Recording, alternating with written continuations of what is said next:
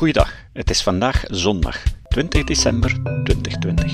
Ik ben Jozef van Giel en dit is de 414e aflevering van deze podcast. We weten nu dat klimaatverandering een feit is. Dat wat het IPCC zegt niet gebouwd is op drijfzand, maar onderbouwd is met stevige wetenschappelijke feiten en mechanismen die we zeer goed begrijpen. Zo goed dat we die mechanismen ook gebruiken in technologie, zoals infraroodlasers om staal te snijden en te lassen. Het is ook klaar dat de gevolgen van de klimaatverandering voor de mens niet echt goed uitkomen. Als we niets doen, gaan we naar een wereld waar het minder goed is om als mens te wonen dan nu. Klimaatverandering zal ook voor gigantische economische kosten zorgen.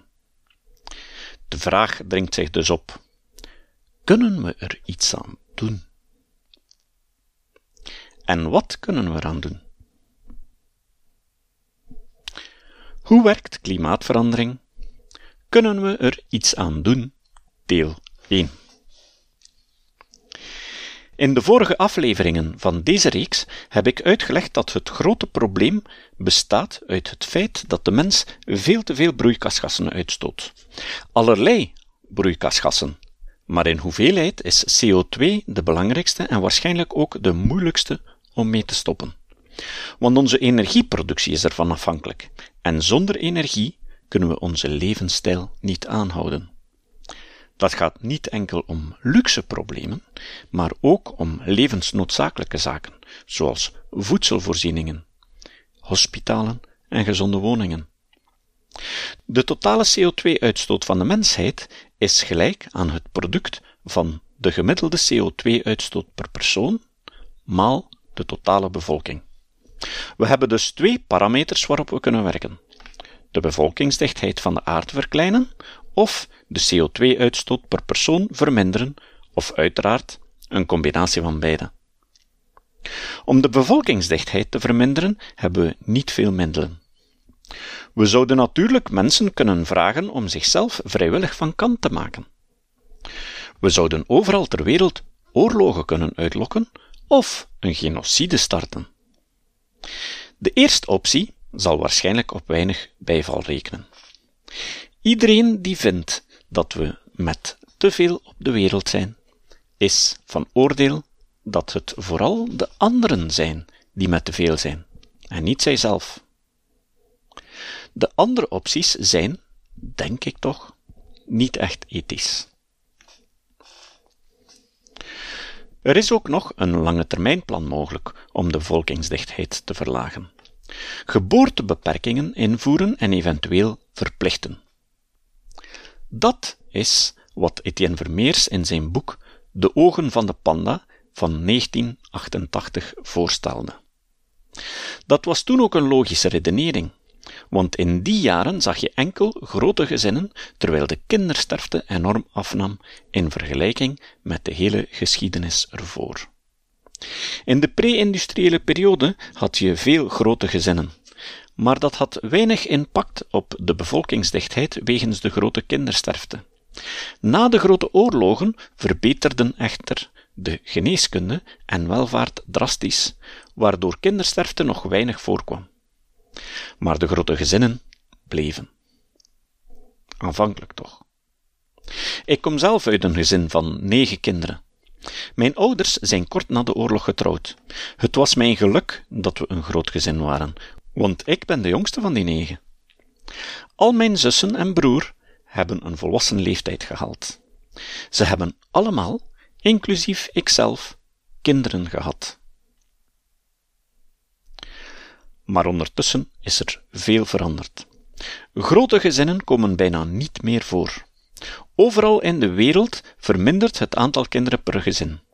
In de meeste westerse landen zit men zelfs al onder het vervangingsniveau. Zelfs in moslimlanden en in Afrika neemt de fertiliteit af. En toch blijft de bevolkingsdichtheid stijgen. Hoe kan dat? De reden daarvoor is dat de levensverwachting blijft stijgen.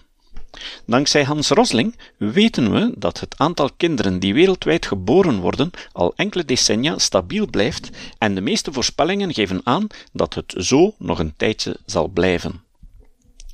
Maar doordat mensen steeds langer leven, neemt de wereldbevolking toe. We zouden dus, om de bevolkingsdichtheid te verlagen, alle 60-plussers kunnen verplichten om zich te euthanaseren. Dat betekent voor mij dat ik nog vier jaar mag leven.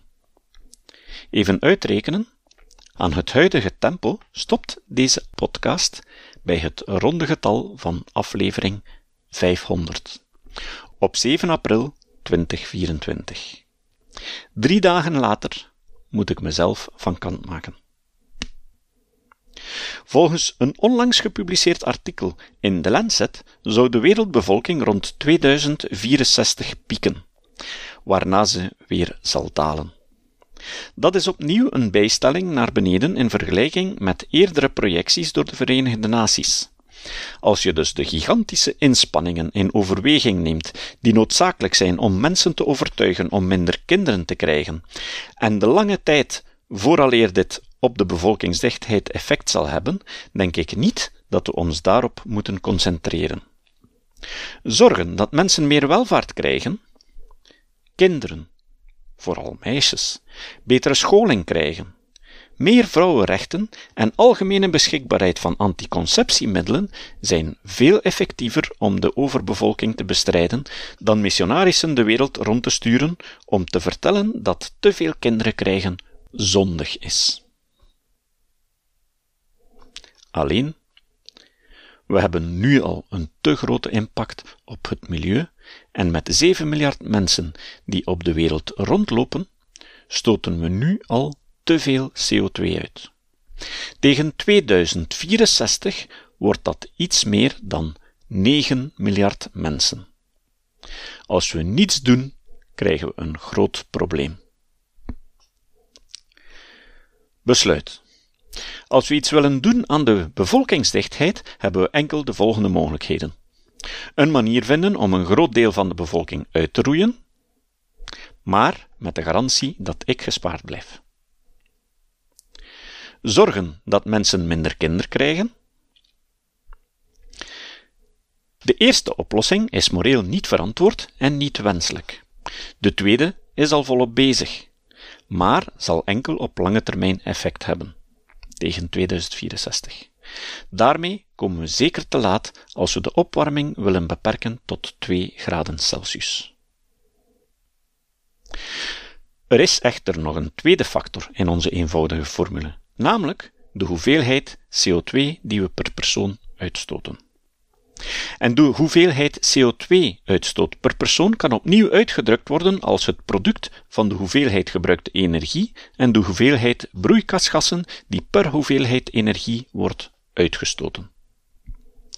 De hoeveelheid broeikasgassen zouden we kunnen uitdrukken in CO2-equivalenten. Zo is bijvoorbeeld methaan ook een broeikasgas dat zelfs veel krachtiger is dan CO2.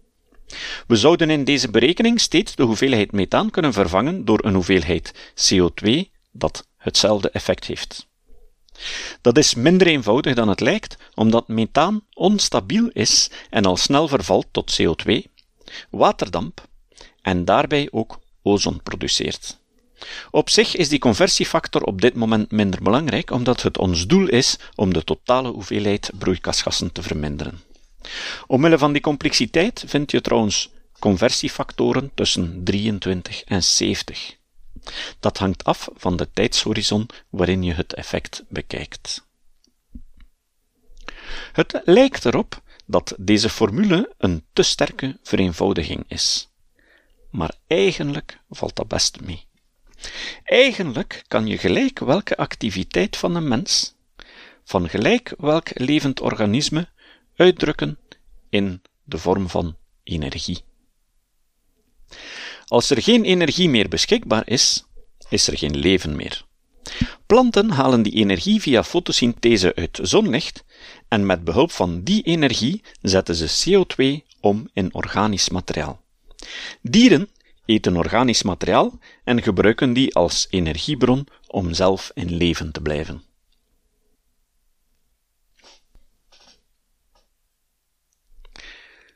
Herinner je opnieuw de tweede hoofdwet die ik in de eerdere podcasts heb vermeld.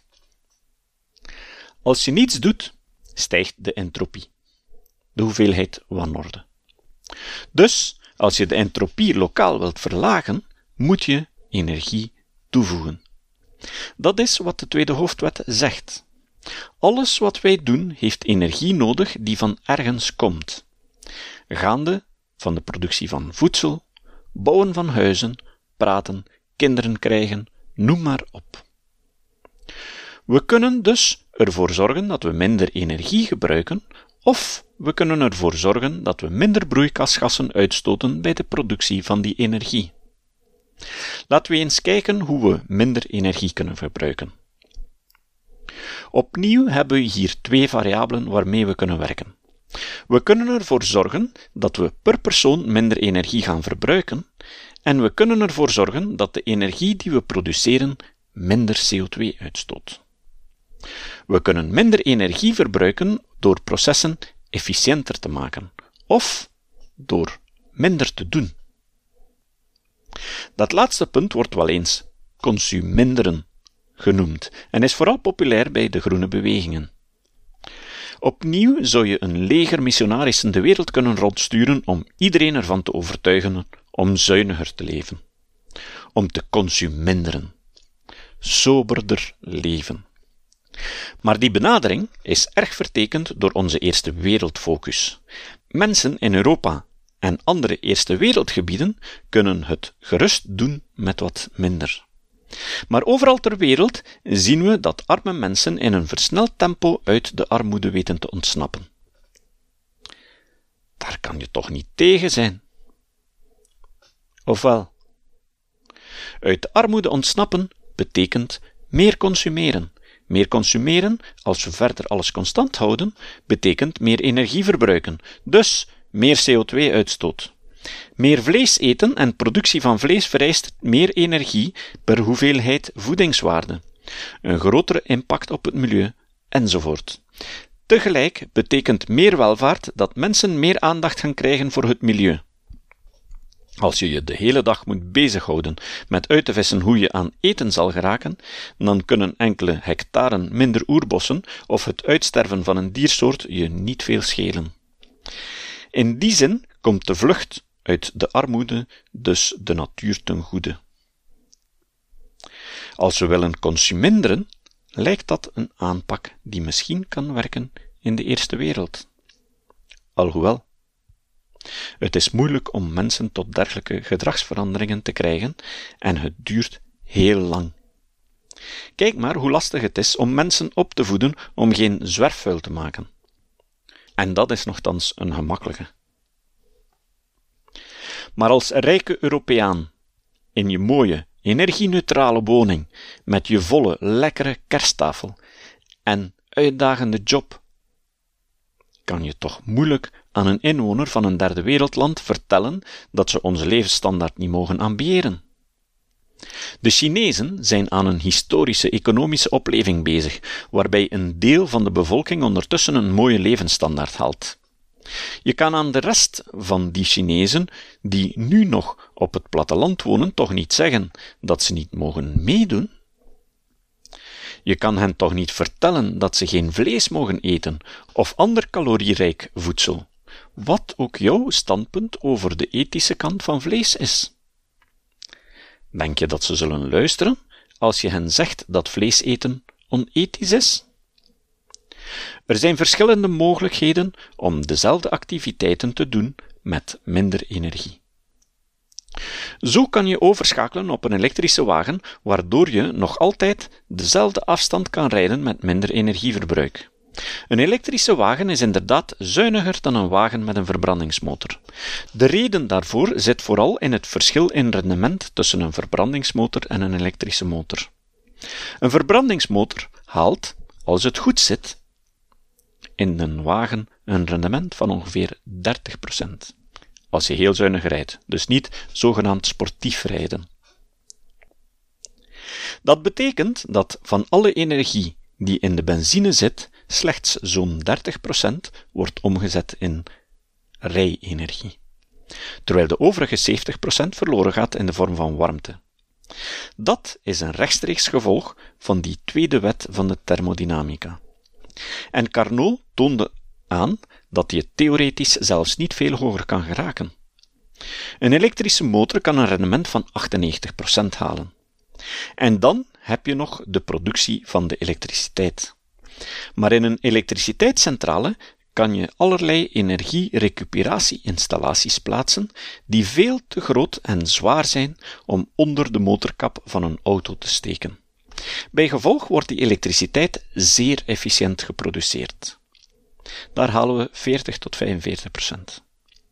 Ik ga hier nu niet dieper op in, maar zelfs als alle elektriciteit voor jouw elektrische wagen uit een kolencentrale komt, zal de CO2-uitstoot nog steeds lager zijn dan als je met een dieselwagen rijdt. En al zeker met een benzinewagen. Die zijn trouwens nog meer milieubelastend dan dieselwagens. En ja, bij deze uitspraak houden we ook rekening met het feit dat de productie van een elektrische wagen meer CO2 uitstoot dan de productie van een wagen op benzine. Als je hier meer over wil weten, Brian Dunning maakte er in Skeptoid al een aflevering over. Het meerverbruik van CO2 bij productie van een elektrische wagen wordt in het slechtste geval na zo'n 60.000 kilometer rijden ingehaald. Je kan natuurlijk proberen om minder met de wagen te rijden. Met de fiets gaan, eventueel een elektrische fiets, of de trein nemen. Dat zijn natuurlijk goede initiatieven, maar het effect zal niet zo groot zijn. Er zijn nog altijd heel veel activiteiten die via het wegtransport moeten gebeuren. Hoe moeten goederen vervoerd worden? Zelfs alleen al het transport van voeding van de boer tot bij de dichtstbijzijnde markt kan moeilijk met de fiets gebeuren. Moeten we lokaal kopen? Ook daar kunnen we nog een volledige aparte aflevering over houden. Ook transport van goederen kan ongetwijfeld met minder CO2-uitstoot met treinen en binnenschepen. Maar die slagen er niet in om de laatste meter te halen. Die kunnen van station naar station rijden of van haven tot haven varen, maar daarvoor en daarna moeten ze worden overgeladen op wagens om aan de deur van de klant te geraken. In de logistiek spreekt men van de laatste meter. Of paard en kar, maar die zijn ook niet CO2-neutraal. Een paard moet energierijk voedsel krijgen en stoot methaan en CO2 uit. Toen paarden eind 19e eeuw vervangen werden door vrachtwagens, werd dit als een ecologische verademing gezien. Er werd toen gezegd dat als het zo was voortgegaan, Londen in de paardendrek vergaan zou zijn. Het zal helpen als we lokaal luchtverkeer vervangen door supersnelle treinen. De Japanners hebben het bewezen en de Chinezen zijn daar ook hard mee bezig. Toch is het soms minder duidelijk hoeveel besparing je bij dergelijke operaties zal krijgen. Treinen stoten minder CO2 uit tijdens het transport, maar de infrastructuur voor treinen is veel groter dan bij vliegtuigen en dat heeft niet alleen impact op de vrije ruimte, maar de sporen moeten ook geproduceerd en gelegd worden en ook dat kost energie. Hoe je dat soort zaken verrekent, is vrij complex. De klassieke werkwijze hier is levenscyclusanalyse. Dat is een berekening waarbij je alle kosten, zij het in termen van milieu-impact, uitstoot van broeikasgassen enzovoort, meeneemt vanaf het delven van de noodzakelijke grondstoffen over het gebruik ervan tot aan het ontmantelen en recycleren van materialen of storten van het afval. Als je er meer over wil weten, in aflevering 37 van deze podcast heb ik uitgelegd hoe levenscyclusanalyse werkt. Een andere zeer effectieve activiteit is om huizen beter te isoleren. Alleen deze activiteit heeft een gigantische impact op het energieverbruik van een land. Volgens de website van de Belgische overheid zijn huishoudens verantwoordelijk voor 20% van het energieverbruik en daarvan dient 74% voor de verwarming. Als we alle huizen in België energie-neutraal zouden maken, zouden we zo dus samen 15% van het totale energieverbruik van België kunnen verminderen. Met de huidige technieken is het mogelijk om huizen volledig energie-neutraal te maken. Dat betekent dat het huis zo goed geïsoleerd is dat je met een kleine hoeveelheid elektriciteit en een warmtepomp een huis op de gewenste temperatuur kan houden, terwijl de verluchting toch goed is. Daarbij kan de noodzakelijke energie om het huis te conditioneren geproduceerd worden met zonnepanelen. Hier is nog een hele weg af te leggen. En eigenlijk is het moeilijk te begrijpen dat overheden zo lang getalmd hebben om dergelijke normen voor nieuwbouw gewoon te verplichten. Ook in een stad gaan wonen heeft veel impact op je energieverbruik. Rijhuizen hebben minder muren langs waar er warmte kan ontsnappen. Want je gebuur heeft zijn huis op ongeveer dezelfde temperatuur opgewarmd, waardoor er geen temperatuurverlies is door de gemeenschappelijke muur. In een goed gebouwd appartement is het nog beter. Bovendien moet je in een stad minder snel grote afstanden met de wagen afleggen en worden de facilitaire diensten, zoals elektriciteitskabels, water, riolering, wegeninfrastructuur, maar ook de post en het openbare vervoer, beter gedeeld onder meer mensen.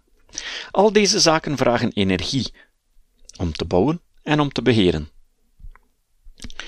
Als je heel alleen op de buiten woont, moet men veel grote afstanden met kabels en buizen overbruggen om jouw huis te bedienen dan wanneer je in een stad woont. Bovendien spaar je open ruimte als je in de stad gaat wonen.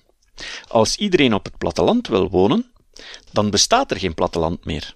En dat gaat ten koste van de natuur, de voedselvoorziening en de biodiversiteit. De ironie wil dat mensen op de buiten gaan wonen, precies omdat ze van de natuur houden. Dat in de stad wonen veel beter is voor de vrije ruimte, bewijst een vergelijking tussen Nederland en Vlaanderen. In Nederland heeft men al heel vroeg in de 20e eeuw een strenge urbanisatiereglementering ingevoerd, die ervoor zorgde dat mensen rond gemeentelijke kernen gingen wonen. In Vlaanderen heeft men met plezier aan lintbebouwing gedaan en mensen laten bouwen op plaatsen die niet als woongebied waren ingekleurd, om daarna deze gebieden te regulariseren. Het gevolg is dat zowat elk bos in Vlaanderen is volgebouwd met dure villa's. In het dorp waar ik woon is een volledig bos verkaveld onder mensen die houden van de natuur. Dat bos is een woonpark geworden.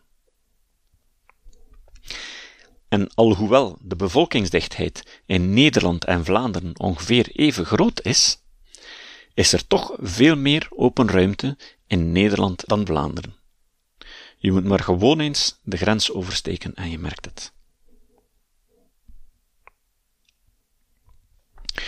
Je huis isoleren, een warmtepomp installeren en in de stad gaan wonen zijn waarschijnlijk de zaken waarmee je als individu de grootste impact kan hebben op je eigen CO2-uitstoot. Ik ben een grote voorstander van de vrije markteconomie.